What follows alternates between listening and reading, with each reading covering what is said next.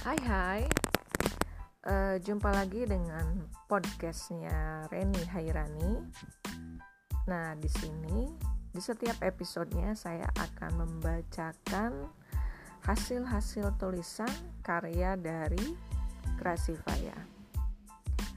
Sebetulnya sudah ada beberapa yang dijadikan novel, cuman di sini saya akan membacakan cerita-cerita pendeknya aja ya di setiap episode atau kutipan-kutipan prolog atau quote-quote si tokoh-tokohnya karya yang ditulis oleh Krasivaya ini. Jadi stay tune terus ya.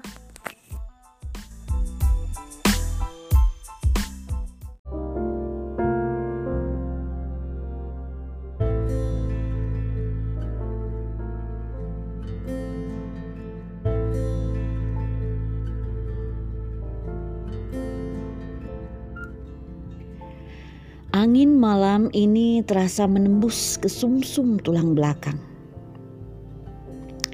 Hutan pinus angkuh berdiri. Biji-biji pinus bergerigi, satu persatu gugur ke bumi, menimpa dedaunan yang terlebih dahulu bersanding dengan tanah. Jalan setapak meliuk-liuk seperti sebuah lukisan murahan menuju desa pesona. Kerikil lebih banyak menjadi komponen dasar dibandingkan dengan mulusnya aspal. Satu-satunya penghubung antara gemerlap kota dan desa pesona. Jalan diapit tebing tinggi dan rendah. Di atas tebing rumah-rumah penduduk berkelap-kelip. Para penghuninya seperti tak menyadari bahaya saat sedikit demi sedikit tanah di bawah berdeham, kemudian terbatuk dan meraung ganas. Tanah bergerak, mengguncang semua yang berada di atasnya.